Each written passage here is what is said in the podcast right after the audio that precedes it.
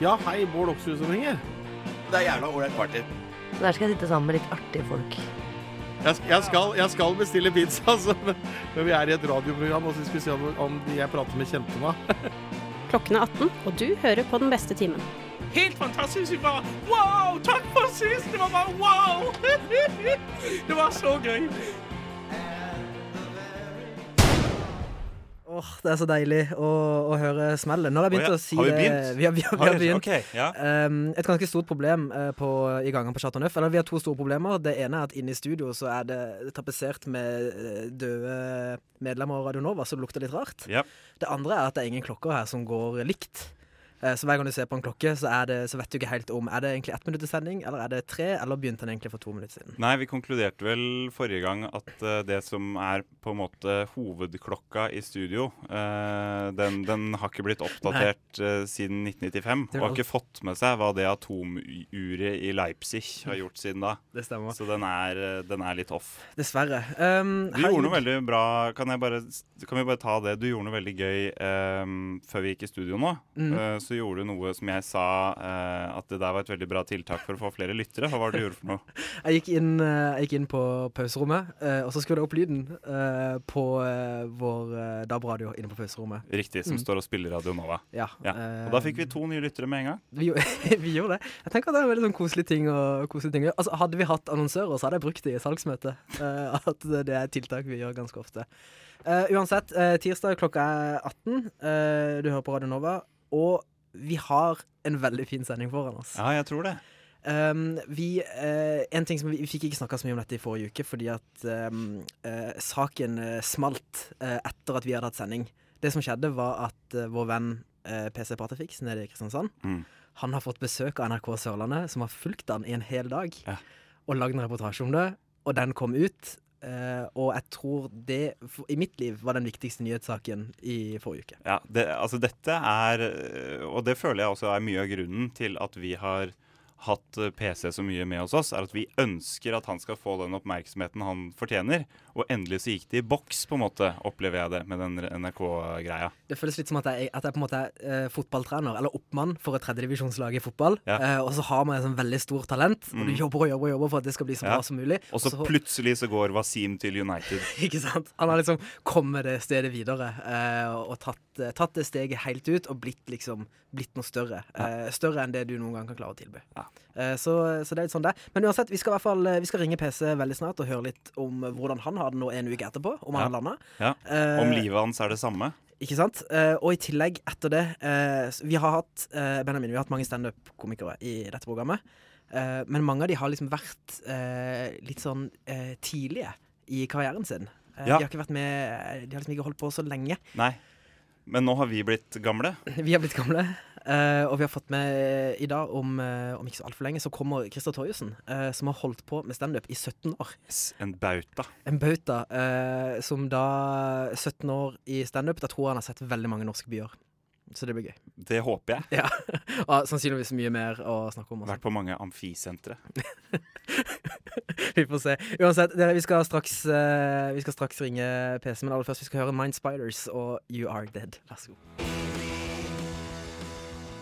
Det er ikke snitter og rundstykker Per Christian Aastveit er mest kjent for. Han er nemlig Kristiansands store partykonge. Da var det klart for party, Hollywood og Ibiza-stemning! Bedre kjent som Partyfikser PC eller Sørlandets VIP-sjef. 32-åringen har holdt på i flere år, og har nærmest blitt en kjendis på Sørlandet.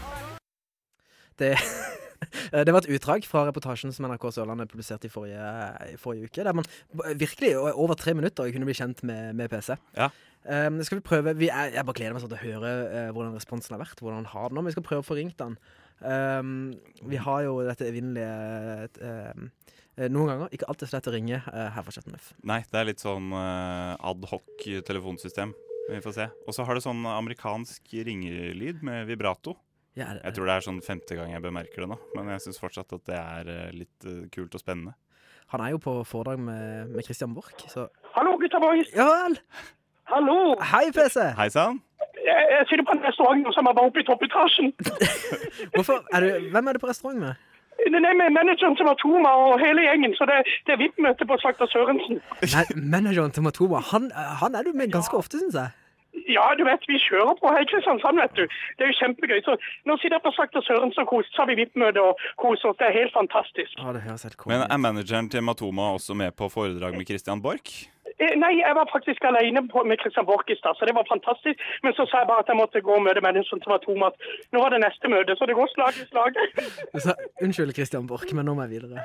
Eh, det er veldig fint, PC. Visste du at CB, dette stolte ølet til Kristiansand, er oppkalt etter Christian Borch? Det, det, det vet jeg ikke om vi får bekrefta. Men, men PC, Ja? eh, du, må, du må egentlig bare få fortelle litt om det som skjedde i forrige uke. Eh, tirsdag kveld for en uke siden så kom det rett sett en reportasje om det. Ja, gud, det var jo fantastisk. Altså, Jeg må bare si tusen, tusen takk til NRK, for de lagde jo tidenes reportasje. Det var, det var jo kjempegøy. Det var jo så gøy å være med på.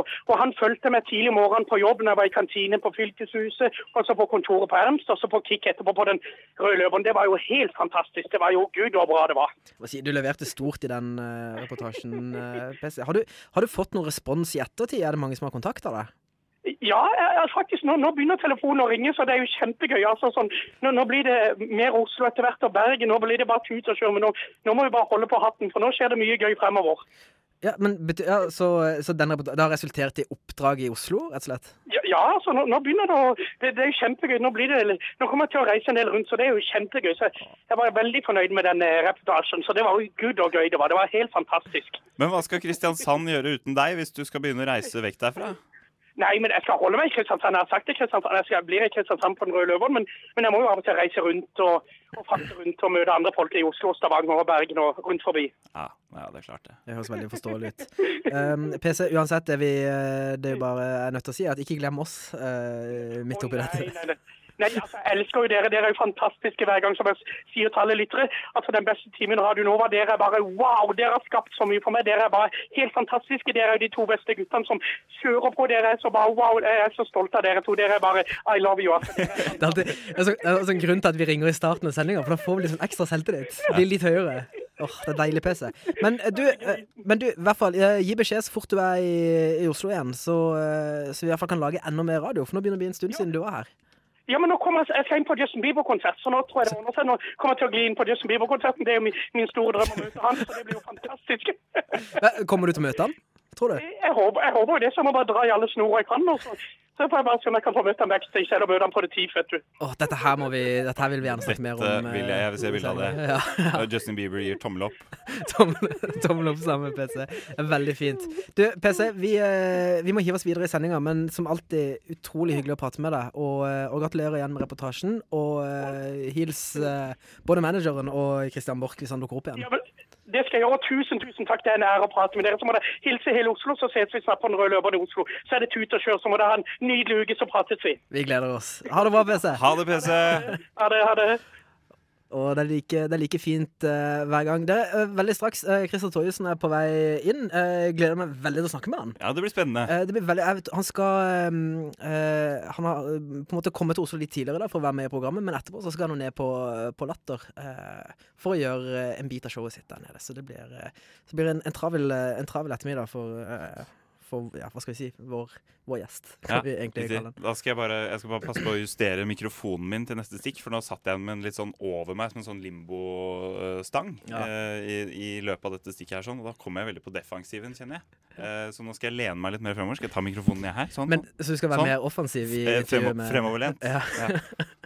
gleder meg Det er det første som står på CV-en min også. Ja, vi, eh, det, er egentlig, det er i hvert fall ingen grunn til å gå noe Nei, vet du hva, sånn, sånn snakker vi ikke i dette programmet. At vi skal si at folk må bli værende og sånn, for det må de bestemme sjøl. men håper i hvert fall at du vil fortsette å høre på. Mm. Nei, jeg, jeg, altså, jeg har aldri giddet å be noen om å høre på dette. Nei, vi sparer jo egentlig det til, til den dagen vi kommer på NRK P1 pluss. Ja, som vi snakker om i forrige sending. Eh, uansett, vi skal høre The Man og uh, B-Minor. Uh, men ja, straks er vi tilbake igjen. Åh, The Man var det, og B-Minor. Og Christer Toyesen, velkommen. Takk.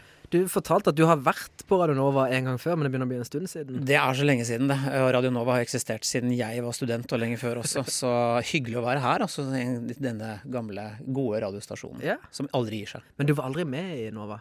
Nei, nei, nei. Jeg har aldri vært med i radio... Jo, Jeg har eh, var jo et par ganger oppe i toppetasjen på Blitz i, i hine hårde dager. eh, på Hurperadioen. Eh, det var gøy. Ja, for det er Radio Rakel. Ja. Ja. Men jeg var aldri sånn ansvarlig. Men vi satt der og prata fordi ingen andre kunne prate den kvelden. Så satt vi. Du, var det på samme tid som Hank von Helvete pleide å sitte der? Eller var det Ja. litt før? Jeg hang på Blitz fra 88 til eh, 93-94, Ja. før dere ble laget omtrent. Så ja, jeg vet ikke. Jeg, ja, rundt kanskje den tiden. ja. Mm. Hva gjorde du fra 88 til 93? Aspen? Jeg lærte meg sånne grunnleggende prinsipper eh, om hvordan man, hvordan man blir et menneske. Eh, hva gjør du? Ja, det er også kanskje første to rekkene i gangetabellen. Ja, såpass? Ja, Ja. rundt deg. Du har alltid vært veldig tidlig ute. Eh, Tusen takk. Eh, Christer Toyesen, du, eh, du har holdt på med standup siden 1999. Mm. Eh, det er 17 år. Ja, det begynner å bli 17 år siden snart, ja. Er det da sånn at uh, For hvordan hva, Hvordan titulerer du deg sjøl? Er du standup-komiker? Er du tekstforfatter? Er du komiker? Er du hva Jeg Entertainer. håper, nei, vet du hva, jeg håper jeg slipper den derre entertainer-greia. Jeg, jeg, jeg prøver å gjøre standup i sin reneste form, uten props, uten hjelpemidler, uten uh, Jeg er veldig kon eller konservativ og tro til formatet, da, men veldig åpen for variasjon. Eh, men jeg vil jo håpe at folk kaller meg for standup-komiker. Ja. Men bare altså, kan, du, kan du bare ta oss litt med på den der Hvis vi kan gå tilbake igjen til 1999. Uh, da er du, du er 29 år. Mm. Uh, du har uh, sagt opp en stilling i et reklamebyrå. Ja, jeg jobba, jobba Jeg er ikke lei. Jeg gikk på sånn supersmell. Jeg jobba vel sånn 17 timer i døgnet og prøvde å bygge en karriere som kreatør eller eh, tekstforfatter i et reklamebyrå, og det gikk ikke bra. Nei. Så da møtte jeg den berømte veggen, som det heter, og så ble jeg dumpa av kjæresten min oppå det hele.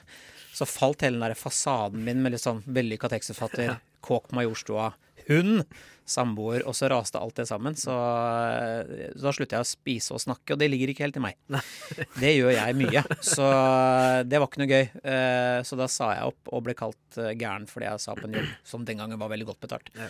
Men jeg hadde ikke, det å sitte og bruke livet sitt på å selge pølser og sjampo, det lå ikke til for meg, da. Og så begynte du å spise og snakke igjen etter hvert? Begynte å spise og snakke igjen. Eh, Det var eh, noen som insisterte på at jeg burde prøve meg som komiker. Og så insisterte de nok til at eh, jeg prøvde meg som komiker, og etter det så har det egentlig gått veldig greit. Men hvordan var standup-miljøet i 1999 når du begynner å komme inn i det? Det for du hører jo en del sånne historier om at det var eh, hva er det han heter, Johnny K, Ja da, eh, som drev og hadde starta en del og er litt sånn gudfar. Men det er flere andre som begynner å komme til. Men, men det kan ikke ha vært så veldig etablert. eh. Nei, det var en ny form den gangen, og veldig sånn Da skulle alle se dette nye standup-greiene. Og så var det ganske få aktører. Første generasjon besto jo på en måte av Thomas Giertsen og Jon Skau og gjengen der, liksom. Og, og Jonny, øh, som har holdt på siden krigen, og er nå 149 år. Um, så de visste vel kanskje ikke helt hva de drev med. På den tiden så etablerte Dagfinn Lyngbø seg i Bergen eh, på en liten pub også. Kalte det for talkshow. Vi visste ikke hva det var. Nei, så kan du se. Men eh, det var første etablere en form. Og så var jeg kom inn som den andre generasjonen sammen med Pernille Sørensen, Terje Sporsem, Lisa Tønne og den gjengen der, liksom. Og pluss veldig mange andre som har falt av, heldigvis. Det er jo sånn det er, at den sterkestes rett, eh, uansett hvor man er, da. Så mange av oss har klart oss, mange har falt av. Men ja, hvor lang tid, eh, hvor lang tid tok det da? Men jeg tenker, Hvis det er, det er 1999, det er relativt nytt. eh, folk er kanskje ikke så vant til å gå på standup. Det er ikke blitt så veldig Kunne du leve av dette fra starten av? Nei, nei. Det var jo Man ble jo sendt ut. Jeg sto og gjorde standup på de mest brutale. Sto i en slalåmbakke, sto om bord i en båt. Så var helt ute å kjøre. Det var sånn derre Du ble sånn, Å, standup, ja, men det er enkelt. Det er bare en fyr som kan snakke i mikrofon, så blir det gøy. Ja. Og så at du fungerer på en klubbscene med en konferansier som introduserer deg, gir deg en kickstart. Det er ikke det samme å stå i en trapp på eh, en, en seilbåt med 13 fulle mennesker som lurer på hvem du er og hvorfor du står der plutselig. Så du gjør noen dyrekjøpte erfaringer i starten, da. Så vi visste jo ikke hva vi drev med heller. Men på den tiden så kom også da Irina Kranz og starta Stand Norge, så det ble mer ordna former fra Det var egentlig bare anarki før det. Um, folk visste jo ikke hva de holdt på med. Men så begynte det etter hvert å gå seg til. da, At det ble en form, og at det ble ja.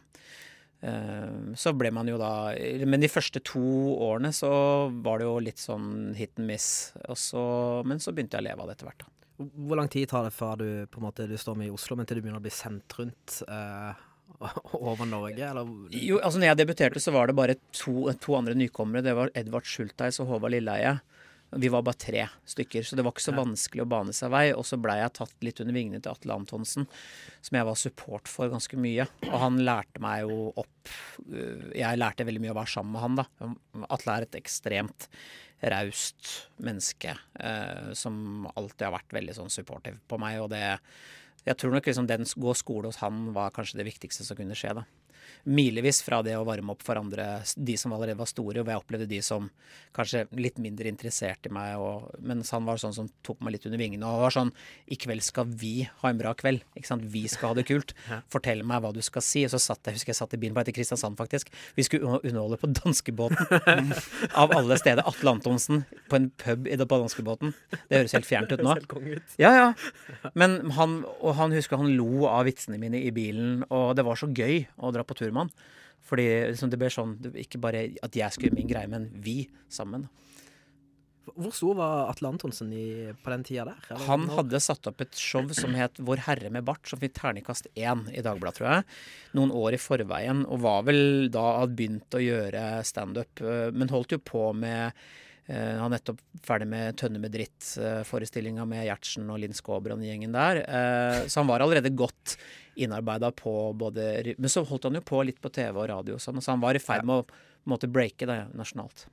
Fantastisk. Men på den tiden da Atle Antonsen eh, fikk ternekast én, hvor, hvor var Humor-Norge da, hvis ikke Atle var gøy? Altså, var, var det, Fikk Otto Jespersen ternekast seks i samme fasen? Jeg vet ikke om folk skjønte helt hva standup var den gangen. Jeg tror ikke, Kan man stå og si det, da?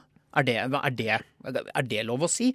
Eller hvorfor snakker han om det? Altså, jeg kan godt tenke meg at det showet hans var ganske gøy, men igjen, han var en novise den gangen også selv, ikke sant? Og det å få sette opp et show, det er ikke dermed sagt at det blir en suksess, men du må sette opp et show for å skjønne hva du kanskje skal gjøre riktig neste gang. Da.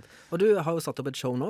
Eh, Du skal spille en del denne høsten, stemmer det? Ja, jeg, nå er den egentlig litt sånn eh, Nå spiller jeg den utafor byen litt her og der for å Det skal gå seg litt til, og så er det vel snakk om en eh, massiv launch over nyåret på eh, forhåpentligvis kulturhus og sånne ting. For det er ikke et show som skal spilles på puber og barer. For jeg skylder showet litt mer ordna former, for jeg skal innom temaer som jeg aldri har snakka om før, som er selvmord, psykiatri, begravelser. Ja. Ting som er uh, mye gøyere å snakke om enn jeg trodde, men har tatt meg lang tid å bli såpass eh, Eller vokse nok til at nå eh, jeg, føler at jeg er voksen nok til å ta tak i temaer som fordi Før så har jeg så vidt skrapa på overflaten, liksom. Og nå er det gøy å gjøre et sånt litt dypdykk, da. Men er publikum i Norge Hvordan På sånn drøye tema, eller sånn For for eksempel selvmord, da. Mm. Eh, nå setter jo du det inn i en kontekst som gjør det eh, veldig forsvarlig å snakke om, eh, hvis det går an å si. Men, men eller hvor, hvor, hvor mottakelige er de for humor på disse temaene? Hvis, det er noe jeg lærte av Dagfinn Lyngbø ganske tidlig, at hvis folk blir med på greia di, så kan de nesten akseptere deg uansett hva du sier. Har de allerede likt meg en stund, eh, så vil ikke det være noe sånn derre Oi, hva er det han snakker om nå, da? Ikke sant? Jeg tar de med inn i settingen selvmord, det som skjedde med stefaren min som tok livet av seg, ikke sant? Og snakker om hva som skjedde. Eh, ganske hardt og brutalt, da. Men den sannheten er jo den som Det tok et år å finne ut utgangen, hvordan skal man helt klart klare å le av det. Men dette er jo for lengst bearbeidet, det er ikke noe traumatisk for meg lenger å snakke om det. Men det er bare eh, det, er, det er mye gøyere nå å snakke om ting som har mer smerte og, i seg, enn å bare snakke om eh, forskjeller på menn og kvinner, som er relativt kjedelig. Men det er, vel, eh, det er vel fortsatt sånn at det er en klar fordel hvis du skal snakke om noe veldig dramatisk, dramatisk eller traumatisk, eller sånt noe, at du har eh, vært nær det selv. Ja, jeg tror nok i og med at det ramma meg selv, da, og det å ha en alkoholisert far i tillegg, eh, og om begravelsen hans, og når jeg selv havna i psykiatrien når jeg fikk barn fordi jeg ble livredd og fikk mestringsangst. Da. Jeg trodde faktisk ikke jeg var skikka til å ha barn. Jeg trodde jeg kom til å skade han, kaste han i do eller gjøre et eller annet. Um, og den angsten var så reell for meg, men totalt irrasjonell. Men å snakke om det å gå til en psykiater da, er, er uh, gøy, fordi at Eh, Det var ikke gøy når jeg begynte å skrive om det, det var det ikke. Men etter hvert så skjønte jeg hvordan jeg skal få det til å bli morsomt. Og det som ble gøy, var venterommet. For venterommet i Norge, der er det interne koder på hvordan du skal oppføre deg. Du skal ikke snakke med noen, og du skal ikke se på noen. Du skal sitte og lese KK og Bonytt fra 2003. Og holde tåta. Og der, jeg har mye tvangstanker, og da tikker jo de inn, liksom. Du vet når du tenker sånn Hva hvis jeg sier det nå, hva skjer da? Eh, Så jeg begynte å tenke sånn, hva hvis jeg som nå ser på de andre og sier «Eh, Vet dere om det blir noe servering om bord på denne turen, eller? Hæ? Ikke sånn, bare sånn vås, da. Er det noen som har noe mot at jeg øver på blokkfløyta mi? Altså, bare raving madness. Men det er så gøy å finne Der, der lå moroa, da. Møte med psykiateren er én ting, men venterommet er det, er det morsomme. For der er det da regler for hvordan det skal være. Og så er det gøy å fortelle om hva hvis man gjør det, da. Pluss en hel masse andre ting. Hvis jeg hadde vært på venterommet til en psykiater, og en hadde gjort nettopp det, jeg dratt opp en blokkfløyte og spurt om det var greit om hun tok sentral, da hadde jeg, da hadde jeg følt meg veldig tilfredsstilt. Jeg, i min, for i min venteromsverden så er det sånn at jeg sitter og ser i KK, men jeg lurer jo egentlig på hva er gærent med dere andre. Ja, ikke sant? Og da når du sier det, så er jeg med en gang Yes, der har vi plassert deg. Altså, en av fire er nede. Da er det bare å gå videre egentlig på det Ja. neste. Og det er fint. Eh, det skal vi bare ta og Vi hører en liten låt, og så, mm, så går vi videre etterpå. Høres ikke det greit ut? Eh, så får vi lufta Det er sånn litt. det ofte gjøres i radioprogram. Ja, og vi er, og vi er, vi er fortsatt eh, inne Selv om det begynner å bli høst, det er, vi har ennå ikke fått ut denne sommervarmen eh, fra, fra Studio B her på Chateau Neuf. Men jeg tenker, vi hører eh, Waves og Cloud Nothings med Come Down, og så er vi straks tilbake igjen.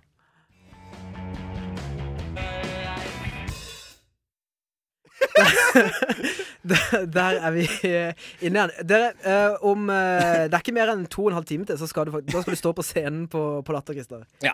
Eh, du har eh, du snakka, Vi snakka litt om det nå under låta. At det er, eh, det er Du har lyst til å prøve noen, ja, noe nytt materiale, men du er litt usikker? Ja, eller jeg har, jeg har liksom testa litt før, men den er litt sånn eh, Jeg er ikke allment kjent for å være den mest hardtslående, provokative komikeren. eh, Og jeg er litt redd for å tråkke folk på tærne, Ja. men noen ganger så må man liksom bare la humor være humor.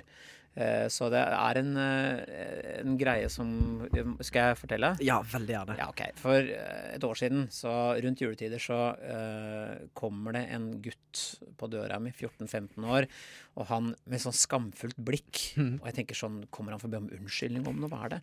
Så jeg rukker opp og sier jeg hei. Og så, han, mens han ser i bakken, sier han Har du har du lyst til å kjøpe dopapir til støtte for klassens skoletur som skal gå med de hvite bussene til Auschwitz? Og der er det veldig vanskelig å holde seg alvorlig. For jeg er liksom best sånn Kan du, skal du si det en, en gang til? Så han ser liksom ned i bakken og har du, har du lyst til å kjøpe dopapir til støtte for klassens skoletur som skal gå til Auschwitz? Og så tenker jeg, hva slags forbanna drittmenneske er det som har sendt de ut, da? For å selge dopapir før jul til inntekt. Altså, hva med noe litt mer sånn, kanskje julete, sesongbetont? En juleduk, stearinlys, et eller annet.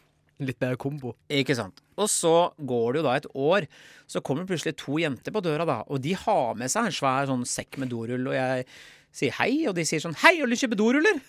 Så, jeg, så tenker jeg sånn da fra i fjor, som går til inntekt for hva? Russebussen vår neste år. Ok, så dere skal ikke til Auschwitz? Uh, nei.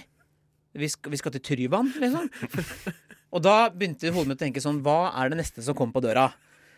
Kommer den og sier sånn Har du lyst til å kjøpe dopapir til støtte for de hvite russebussene som skal gå til, til Auschwitz? Så russebussen heter Yolo Coast. Den er jo litt drøy, men du ler jo. Ja, men det er altså jeg, jeg, Så definitivt et verre ting enn det. eh, på, eh, på latter òg. Eller det burde jo Jo, eh, men det er noe med Du vet at du, hvis, det, med humor er noen ganger så folk Her er et annet eksempel. Sønnen min, jeg skulle legge han her om dagen, og han nekta å legge seg og ble forbanna. Og så pekte han på meg, så sa han Du er det verste mennesket i hele verden. Så tenkte jeg sånn OK, vennen min, kom, skal jeg vise deg en bok med som heter Adolf Hitler og Josef Mengele. Og da ler jo folk. Ja. Og så sier jeg Vet du hva, pappa har ikke drept en eneste jøde, han. Seks millioner jøder tok han. Og da ble det så stille i publikum. Du kan, de ler av at jeg sier liksom da eh, Hitler, eh, men så straks du påminner folk om hva han gjorde, så ble det sånn spøkelseskaldt. Så jeg, jeg har kutta den siste Den der 'pappa har ikke drept en eneste jøde'. Den setningen blir for hard for folk å svelge. Jeg aner ikke hvorfor. Men der, og da, det heter jo bombe. Når du da liksom bare OK, der mista jeg publikum. Nå må jeg bruke noen minutter på å få det tilbake, da. Ja. Men jeg syns at den dagen humor blir helt ufarlig, da er den helt verdiløs. da. Du må liksom se hvor langt kan man trekke premisset for å se når latteren slutter. Og hvis du aldri slutter å ta de sjansene Det tok meg sikkert tolv år i faget å, å tørre å gå litt ut på tynn is. Men det er mye gøyere det enn å stå og safe og snakke om forskjellen på menn og kvinner. Men er det lettere å få et For jeg vil jo se for meg at det er nesten lettere å få et latterpublikum med på en sånn ordentlig drøy greie enn hvis du står f.eks. på, på HF-kjelleren eh, på Blindern med en sånn politisk korrekt uh, hipstergjeng og drar den typen vitser fordi de bare av prinsipp vil ikke le av sånne ting. Jeg tror det er lettere med studenter enn på latter. Okay. Jeg tror studenter er åpnere for uh, nyanser av humor enn det gjengse, kanskje, om du skal si latterpublikum, hva nå det en gang er. Nå er det begynt å komme mer yngre folk der, mer blanda publikum. I begynnelsen så hadde vi mye godt voksne. Eh, Du slipper ikke unna like lett med de enkleste eh, vendingene. Det, det er litt som å det letteste med humor er å liksom bare gå rett i kjelleren med en gang, og så er du, på, er under i doskåla, og så ler folk. Men se nå hva som er enda lenger ned, der du ikke kommer til med hånda engang, liksom. Altså, gå noen skritt videre. Forbi vannlåsen. Ja ja, men det er noe med det, liksom. Altså, det, du kan godt liksom si sånn Ja, og så Tror du ikke faen det rant altså, diaré ut av kjeften på han, og så le. Ja ja, ha ha ha. Ikke sant. Nå var jeg veldig rorbua, ikke sant. Men, men det er liksom Veldig ofte så tyr komikerne, inklusiv meg selv, til de letteste grepene. Og jeg har så lyst til å liksom prøve å være hakket mer utfordrende, og smartere. Ikke nødvendigvis sånn for å være så jævla drøy eller noe, men jeg har lyst til å se hvor langt jeg kan gå før kanskje det, ikke er morsomt lenger. Men jeg så du var Jeg tror det må ha vært Jeg, jeg tipper det var under Sommerlatter for et år siden. Eh, så var du konferansier, og så var det Det var en, en veldig bra lineup den kvelden. Veldig mange var Det var en ganske kjent gjeng. Men det var én som eh, Jeg tror han sto på Latter for første gang. Eh, og da, når du skulle introdusere han, eh, så sa du at dette er en komiker som Han prøver seg på masse eh, kredible greier. Eller han, han prøvde liksom eh, på en litt annerledes form for humor enn det som kanskje var gjengs da eh, på, eh, på Latter den sommeren. Eller ja, gud vet. Men da eh, Og så sier du at det der er jeg ferdig med. Eh, jeg vil bare grille. Jeg tror det var det du sa. Ja. Um, men det var liksom en sånn intro som var litt sånn det var, Jeg vet ikke helt hvordan man det, det var liksom noe fint ved det også, om at bare sånn, Nå er det en som Han kommer til å prøve på et eller annet. Uh, vi får bare se åssen det går, men er i hvert fall ferdig med den måten å, eh, å holde standup på. Eh, jeg vet ikke, Kjenner du igjen introen? Husker Ja, du, ja intro, jeg jeg bruker den ganske ofte at uh, jeg har kommet til et sånt punkt i livet. Jeg er liksom 46, jeg er ikke noe ungfol lenger her. Uh, at jeg er liksom glad jeg er ferdig med 20-åra. For det var jævlig gøy, men også jævlig pes med den der bygge karriere og nettverk og utdannelse og pes og ambisjoner og drit, liksom. Og konstant blakk og alt. Altså, jeg er så glad jeg er ferdig med det eneste jeg vil nå, det er å grille. Det eneste jeg vil, jeg vil bare grille. Ja. Ja, det er dit jeg kommer til livet. Det er da jeg er happy, når jeg griller. Er ikke noe gladere enn da. Eh, og det er fint å komme dit at liksom, det er ikke viktig lenger med hvem du henger med. Det er ikke viktig å være på nachspiel lenger. Det er, ikke, det er mange ting som på en måte jeg har vært og gjort meg ferdig med. Det er det jeg prøver å si. Det jeg sa, sa da en gang, var liksom at eh, du må gjerne, for all del, kjør på og gjør, gjør det du kan, liksom. Men eh, jeg kan ikke engang Det er ikke noe vits at jeg prøver å være en innovativ 19-åring, eh, for det ville vært patetisk. Ikke sant? Hvis jeg prøvde å være han derre Yolo! Er det noe Er det her det er lol? Altså, det er helt krise. Det finnes jo eldre komikere i denne byen som gjør Ja, men det er så, det er så trist. Ikke ta, Gjør heller For komikk følger deg. En fordel med komikken er at den, den blir med deg på veien. Jo mer erfaringer du pådrar deg, jo morsommere kan du bli, da. Eh, og hvis jeg skulle stå og snakke om at eh, jeg syns det er så sykt yolo på byen, altså å herregud. Altså, det, det er jo ikke det. For jeg, jeg er jo ikke der. Ikke sant? Jeg husker jeg ble skeptisk da jeg skulle se Mann 44-showet til Bård Tufte Johansen. Eh, da han kom på scenen, for da han var altfor hipt eh, kledd. Altså Han hadde sånn tighte bukser og trang T-skjorte og var et sånt, hadde tydelig trent og kule sneakers og sånn. Og bare Å nei, her kommer det som en voksen fyr. Nå, nå har han mista det. Eh, for nå skal han være altfor hipp og kul. Eh, heldigvis så bedro det skinnet, da. Men mm. det er fort gjort å falle i den fella. Det ser jeg. Ja, men du ser jo meg også, herregud. Det er jo jeg er midtlivskrise her. Sitter med metallskjorte og tatoveringer og sånne ting. Det er patetisk, liksom. Men jeg, og jeg jogger, og jeg, og jeg gjør det ren dødsangst fordi at jeg er livredd for å Ja, altså jeg vet jo at når du er i 20-åra, så tenker du ikke en drit på at det kommer en dag hvor du kan bli sjuk eller du skal dø, liksom. Jeg veit at det er kroken på døra innen overskuelig framtid. Jeg vil bare hypp på å opprettholde noe, så at jeg ikke tar kvelden for tidlig. Så det er derfor jeg liksom nå Herregud, jeg, det, er jern, jeg hater å pumpe jern. Jeg, jeg hater det. Men jeg gjør det bare for å liksom Jeg vil ikke dø ennå. Men for du trener for å ikke dø, det har ikke noe med selvtillit å se bra ut å gjøre det. Jo, selvfølgelig har det med selvtillit å gjøre også, selvfølgelig. Det føl- man føler seg bedre etter å ha trent. En setning jeg aldri trodde jeg skulle si. Men, men jeg må gjøre det for at jeg har, jeg har barn. Jeg, må, jeg har lyst til, å- se de vok, vokse opp, liksom, få liksom diabetes. Hva faen? Jeg vil ikke men så, Det trenger du ikke ta stilling til i 20-åra, for da er livet ditt er bare liksom akkurat der og da. og Du har ikke engang du, du skal ikke engang tenke på det. Men når du begynner å pushe 50, som dette her, materie her er i ferd med å gjøre, så begynner du å innse at vet du hva, det er ikke sikkert jeg har mer enn 20 år igjen, liksom. Og det har jeg tenkt å bruke på noe litt annet enn å bare fucke opp meg sjæl, da. Men tatoveringer, det, det, det, er en fin måte å fucke opp seg sjøl på. Det er greit. Og så er det ikke sånn at du, du ser jo ikke 100 ut som en jogger, eh, selv om du er det. Nei, det gjør jeg og ikke. og det hjelper jo. Ja, og jeg er jo ikke noe lita tulla her. Eh, og det er derfor jeg løper. Kjenner meg igjen. Nei, For det var litt ille sånn da, da Harald Eia var på sitt mest topptrente, f.eks. Det, var Ja. litt- det var litt ekkelt å se på. Det var sånn Hver gang han snudde seg og de så den T-ryggen hans, så Ja. ble det sånn Ja. Du får bare dårlig og visste at han var singel og sånn. Ja, nei, det er Nei, vanskelig å le av folk som har æsj. sånn, Når det er for bra, så er det vanskelig å le av det. Dessverre. Det, skal vi ta, kan du være her litt til, Christer? Jeg det blir her til jeg blir kasta ut. Ja, tar vi, vi, tar en liten, vi tar en liten pause til dere, og så hører vi Beach Fossils med uh, Hva er det vi skal spille nå, da? Skal vi se. Eh, General Synthetic.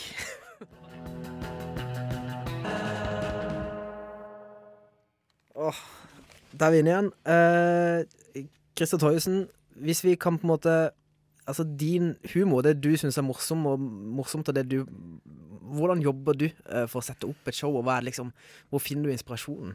Ja, Istedenfor Før så lette man etter OK, hva er det som er gøy? Hva er det som er gøy? Finn, finn det som er gøy. Nå tar man heller et tema og se hva man kan finne som er gøy i det. Mm.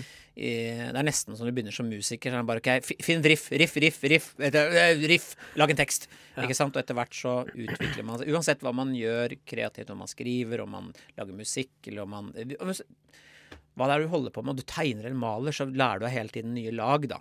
Det var veldig, veldig pompøst å si, men eh, jeg tror hvis jeg kommer på noe som jeg ler av, så tenker jeg her er det et eller annet. Hva kan jeg bruke det til? Om det ikke blir standup, kan jeg lage en, en barnebokforside og legge ut på Facebook, eh, som jeg også gjør. Eh, kan jeg eh, photoshoppe noe? Kan jeg skrive om det? Kan jeg og så prøv, teste det ut på en scene. Funker det ikke? Nei vel, le jeg til side, men jeg kaster det aldri. Fordi at kanskje den tanken der sånn kommer eh, Fordi hjernen din jobber jo liksom eh, Hva heter det? Subliminalt, heter det det? Eh, tror det. Tror det. Jeg tror det er ordet. Jeg håper det er det ordet, for det var det ordet som kom inn i hodet mitt nå. Eh, og hvis det ikke er det, arrester meg gjerne. Eh, nei, men altså, du, du, Underbevisstheten jobber hele tiden med noe, og så kan du sitte med en problemstilling plutselig bare Å, den tanken passer jo bra der.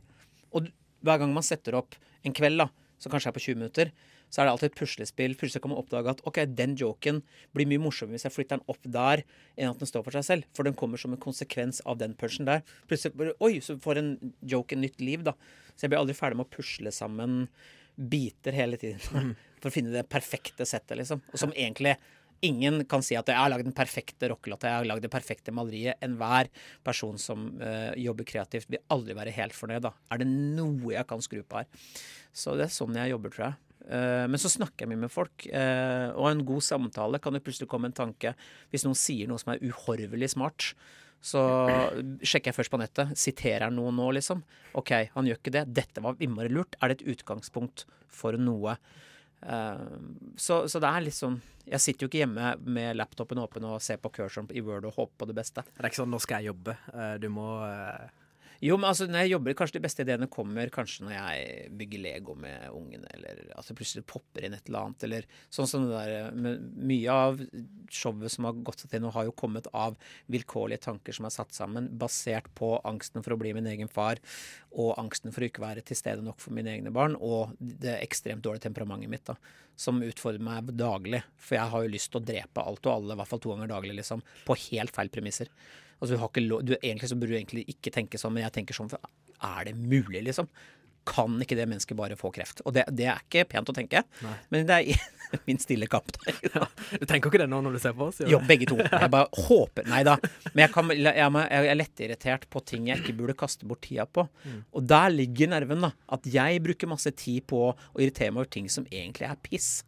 Tenk om jeg kunne være like glad som PC, da. Ja. Skjønner du? Og bare alt var en fest. Istedenfor at jeg går og «Ah!» hisser meg opp over ingenting. Liksom. Blir du lettere irritert enn bekymra, f.eks.? Ja ja. Ja. Ja ja, ja er du gæren. Men uh, bekymra Jeg var jo ikke bekymra før jeg fikk barn. For at før du får barn, så er jo eh, du har jo ikke noe ansvar for andre enn deg sjøl. Du skal putte noe inn i munnen din, sånn at kroppen din klarer å gå i løpet av en dag. Og skal du få deg nok søvn, så at du ikke er klar for en ny dag for å putte inn mer. Det er en veldig sånn eh, basal rytme i det livet før du får barn. Gå på jobben, studere. Barn, bekymringer er fullt av. For det er først bekymra for din egen helse, bekymra for at ungene har det bra, bekymra for at kona mi skal gå fra meg, som er bare bullshit. Hun er, har ikke tenkt å gå noe sted. Men jeg har en sånn ekstremt destruktiv på Ekstremt lavt selvbilde, da. Men det tror jeg veldig mange komikere også har og bruker instinktivt på scenen. Jeg er jo livredd for å miste henne og barna. Jeg tror hele tiden Ikke hele tiden, men jeg har sånn angstgreie på at hvis jeg mister de, da, da har jeg ingenting, da. Ikke sant? Og så eh, kommer man fra en barndom hvor man er vant til at ting går til helvete, så er man fatalist, og så begynner man å tenke Vet du hva, dette er så bra at det kommer til å gå til helvete. Ikke sant? Og så får man de der raptusene, og det kalles jo ren angst, da. Ikke sant? Og jeg, jeg tror ikke det fins én komiker som er riktig skrudd sammen. Alle komikere som er morsomme, tror jeg sliter med et eller annet piss inni huet. Om det er ræva selvbilde eller hva det måtte være, liksom. Men er det da, hvor bra er den kombinasjonen? Jeg tenker, Hvor mange reiser da har du i året? Ja, et par hundre, hundre og kanskje 110. 110, ja. For da, jeg bare tenker at når man da reiser så mye rundt, da er man en del alene. Det er en del tomme hotellrom, og Ja, men man det får mye tid til å tenke. Alta. da. Ja. Ja, men jeg kjeder meg aldri. Jeg har aldri kjeda meg for at jeg uh, Hva ikke etter at Pokémon kom?! Nei, men nei, nei, jeg gjør ikke det. Jeg, jeg har alltid noe å lese på, noe jeg kan skrive på, noe jeg kan gjøre, se på. Så det har aldri vært et problem. Men problemet er jo samvittigheten og at jeg liksom er borte mye fra barna og, og kjæresten min, liksom. Eh, og så tenker jeg sånn Tenk hvis hun blir kjempelei av meg. Og så Hun jobba i bransjen før hun møtte meg, så hun kjenner godt innsiden og kjenner jo alt og alle. Så jeg har jo bare grunn til å slappe av. Men jeg, jeg er veldig veldig opptatt av det der. Jeg, jeg tror, som når du vokser opp med mye alkohol hjemme, så blir du veldig rammefiksert. Sant? Hus, bil, barn. Eh, ha de tingene der. De må jeg ha for at jeg skal kunne fungere. Og så blir reising av standup blir heroinet mitt. da. For alt ellers er kjempetrygt. Og så er det å reise til Sulitjelma. Du vet ikke engang hva du kommer til. Men det er, det er nerven i det. For det er spennende, for du, må reise langt. Du veit ikke hvordan publikum er. Du vet nesten hva du skal si. Og så går det som regel alltid bra, da. ikke sant? Men det med denne reisingen og å ha standup på forskjellige steder, hvor forskjellig er publikumssammensetningene der ute i Norge? Møter du noen andre i Nord-Norge enn du møter på Vestlandet f.eks.? Definitivt Nord-Norge er mitt favorittsted. Fordi at de, ja, men de gir så faen generelt jevnt over. Og jeg tror det har med fraflytting, mørketid og apati å gjøre. Men humoren er bekmørk i nord, og det er sjelden jeg hører liksom bare folk roper 'Kjør på! mer massemord!' Kjør på! Altså, du må snakke mer om Syria! Hva? Ikke sant? Og det er de, de, de har en, Og de kan le. Eh, om det så er politisk ukorrekt, så ler de kjempegodt. Og så sier de etterpå sånn Det du sa der, det var jævlig drøyt, men jeg lo. De ler før de tenker om dette er lov å le av. Mens vi her i Sør-Norge tror jeg har mer sånn her Nei, men gud, er det nå, nå sa han incest. Er det, er det lov å le av? Er det det? Er det? Så jeg tror vi er mer sånn eh, indoktrinerte at visse ting skal man kunne tulle med andre ting. Men jeg tror i nord så er Altså, incest er liksom det er, It's a family business. Altså, de, de ler av ting som nesten ikke er lov å le av. Og det, de beste jokene kommer jo fra gode historiefortellere i Nord-Norge. Jeg elsker å høre på dem. For det er, det, er, er null filter, da. ikke sant? De jeg- sier ting som jeg, jeg aldri kunne sagt. Jeg har faktisk en motsatt opplevelse en gang eh, fra Nord-Norge da eh, folk satt rundt eh, et bord og sa hestkuk og sånn, og så begynte noen å, å gå litt på meg da. Bare sånn Ja, dere søringer har ikke noe humor, for faen, og sånn. Og så sa jeg at jeg kan godt ta den drøyeste vitsen jeg kan. Og det er at uh, du vet at søstera di har mensen når det smaker blod av tissen til pappa. Og da ble det helt stille, og så var det sånn Benjamin! Han var altfor drøy! Så det, Akkurat den vitsen her har vi også fått klager på tidligere Ja, i det dette faktisk, programmet. Uh, så ja. jeg lovet egentlig å ikke si det mer. Ja. Og så nå kom den igjen. Liten beklagelse til redaktør Kristina. Men ja. Ja, men jo, men altså, jeg tror det, Du kan jo møte på eh, pietister overalt, det er ikke det. Men jeg, generelt er vi nordmenn ganske like. Vi har stort sett jevnt over de samme verdiene. Vi spiser det samme til frokost. Vi går nesten likt kledd. Vi er, det er få avvikere. Så treffe Et eksempel for eksempel Halvor eh, Johansson, en av våre nye komikere, er ekstremt folkelig, men treffer altså så fantastisk bredt med supre tekster, som treffer alt fra 16 til 80. Og den, det er en skill som hver svært få av oss har, da. Og det, han må jo bare sånn må bare bli verdens største komiker, for han er så innmari morsom. ikke sant? Og så har du jo andre som uh, Henrik Farley, som har vært her, uh, skjønte jeg, som er en sånn surrealist, som også må liksom bare pushes fram fordi at det, det er viktig at eh, folk ser forskjellige nyanser av humor. Om det er surrealisme, om det er samfunnsrefser, om det er hverdagskomikk, eller om det er politisk ukorrekt. Folk norske publikummet må læres opp til at det er veldig mye forskjellig form for komikk. Og der har Bergen vært eh, en, i Ja. fronten hele veien. For de har alltid tatt inn utenlandske komikere, de har henta inn folk fra hele landet. sånn at det har alltid vært en variasjon. Så publikum der er mye mer vant til at det, når én snakka om totalt forbudte tema, så kan det komme nestemann som snakker om eh, ja, kona si, og nestemann snakker om døden, liksom. Altså det er så mange eh, og Der har de vært veldig flinke. Og det er jo en, tatt mange år. Men nå begynner folk å forstå at eh, standup det er ganske forskjellig. Det er mange forskjellige uttrykk. Er det noen, bare apropos Nord-Norge og det å komme opp dit, men er, det liksom, er det noen deler av landet som du gruer deg til å reise til? Der du vet at ok, dette her eh, funker ikke alltid like bra? Eh, Ja, ja altså jeg oh, det- Nei, vet du hva. Før så var jeg liksom litt redd for uh, Ålesund, husker jeg. Jeg er ikke det lenger. Men de var sånn må ikke komme her og snakke om trikken. Nei, jeg har ikke trikk her. Bare sånn, ja, men jeg kunne sagt buss. Altså, jeg bare snakka om kollektivtransport. da. Heter det ikke kollektivtransport? Å, Jesus Christ. Det kan være litt sånn derre Komme her og prate, la, la, la. Men så skjønte jeg at eh, jeg må slutte. For hvis jeg har en fordom om hvordan de er, så, så, så gleder jo ikke jeg meg heller. Så for Ålesund han har blitt et av favorittstedene mine. Ja, men, men hvor, når eh, et show er ferdig eh, Du har hatt et show i f.eks. Ålesund eller Mo i Rana. Men altså, hvor mottakelig er du for å på en måte uh, snakke med folk etterpå? Snakke med de som har sett deg? Ja, f- eh, det er alltid gøy å høste kred eller få dryss og skryt, men det er noen ganger så tror folk at det, det er rett på fylla, Ja. og det er det jo ikke. Ikke sant? Det er bare sånn der, det, kommer de, det verste er når de kommer med øl og shots, og du bare Å, Jesus, jeg skal hjem. Ikke sant?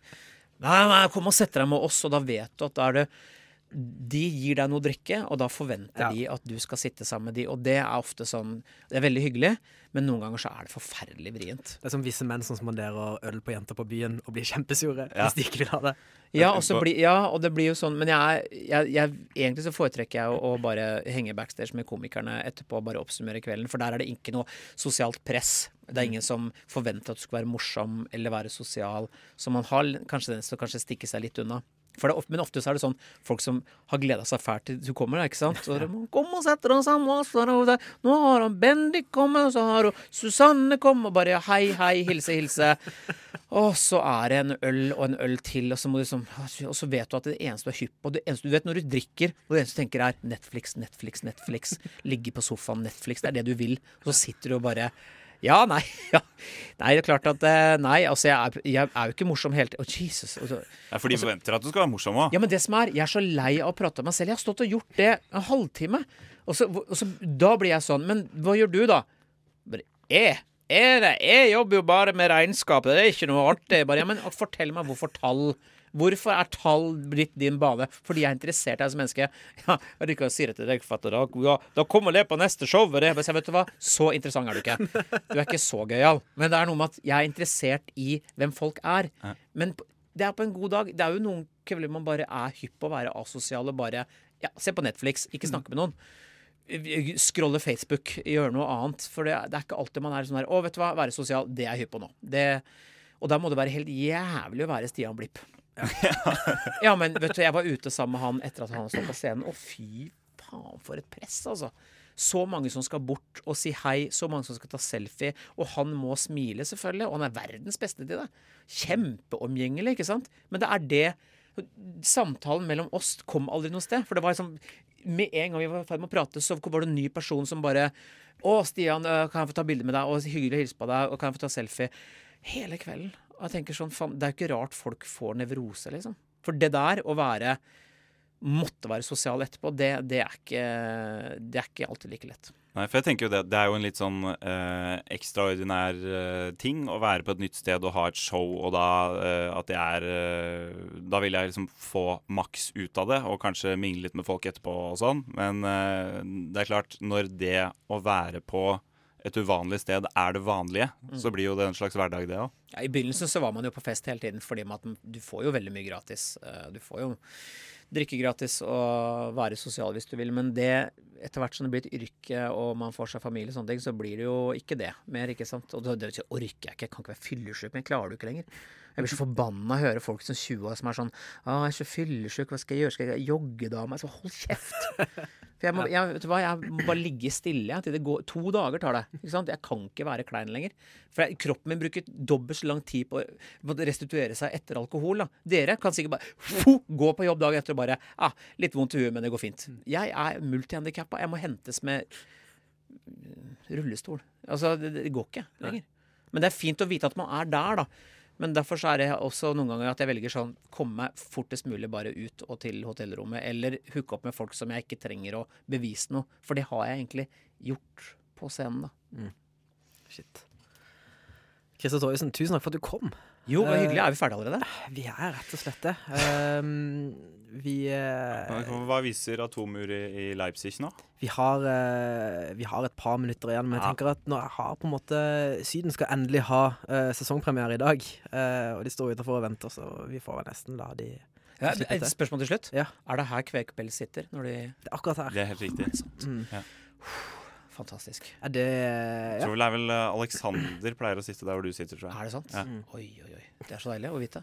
Fordi Kvekpels hørte jeg jo på Det har jo Hvor lenge har du holdt på? 70 år? 1993. Ja, ikke sant? Ja. Og det var et av det var det morsomste vi visste. Og det har jo, at de holder på ennå. Mm. Fantastisk. Vi får vel fortsatt eh, Eller Radio Nova får vel fortsatt nye medlemmer fordi det er unge jenter som har lyst til å ligge med Det har stått i søknader at Ja, de har det henger å opptil flere lapper på redigeringsrommet her, hvor det står sånn 'Kristoffer Schou, ring meg', eh, med jenteskrift og telefonnummer. Ja, det skjønner jeg godt. Jeg kunne ligge med Kristoffer sjøl, Ja, Jeg er egentlig ganske enig. Eh, hvorfor ikke? Uh, og uansett, ja, lykke til videre med showet ditt, eh, Christer. Lykke til i kveld. Takk, takk. Uh, og denne sendinga kan du høre igjen både i Soundcloud og via iTunes. Uh, og i dag har Aline Tekniker igjen vært tekniker. Takk skal du ha, Aline. Ok, Da sier vi takk for i dag. Takk for alt. Ha det igjen. Hei.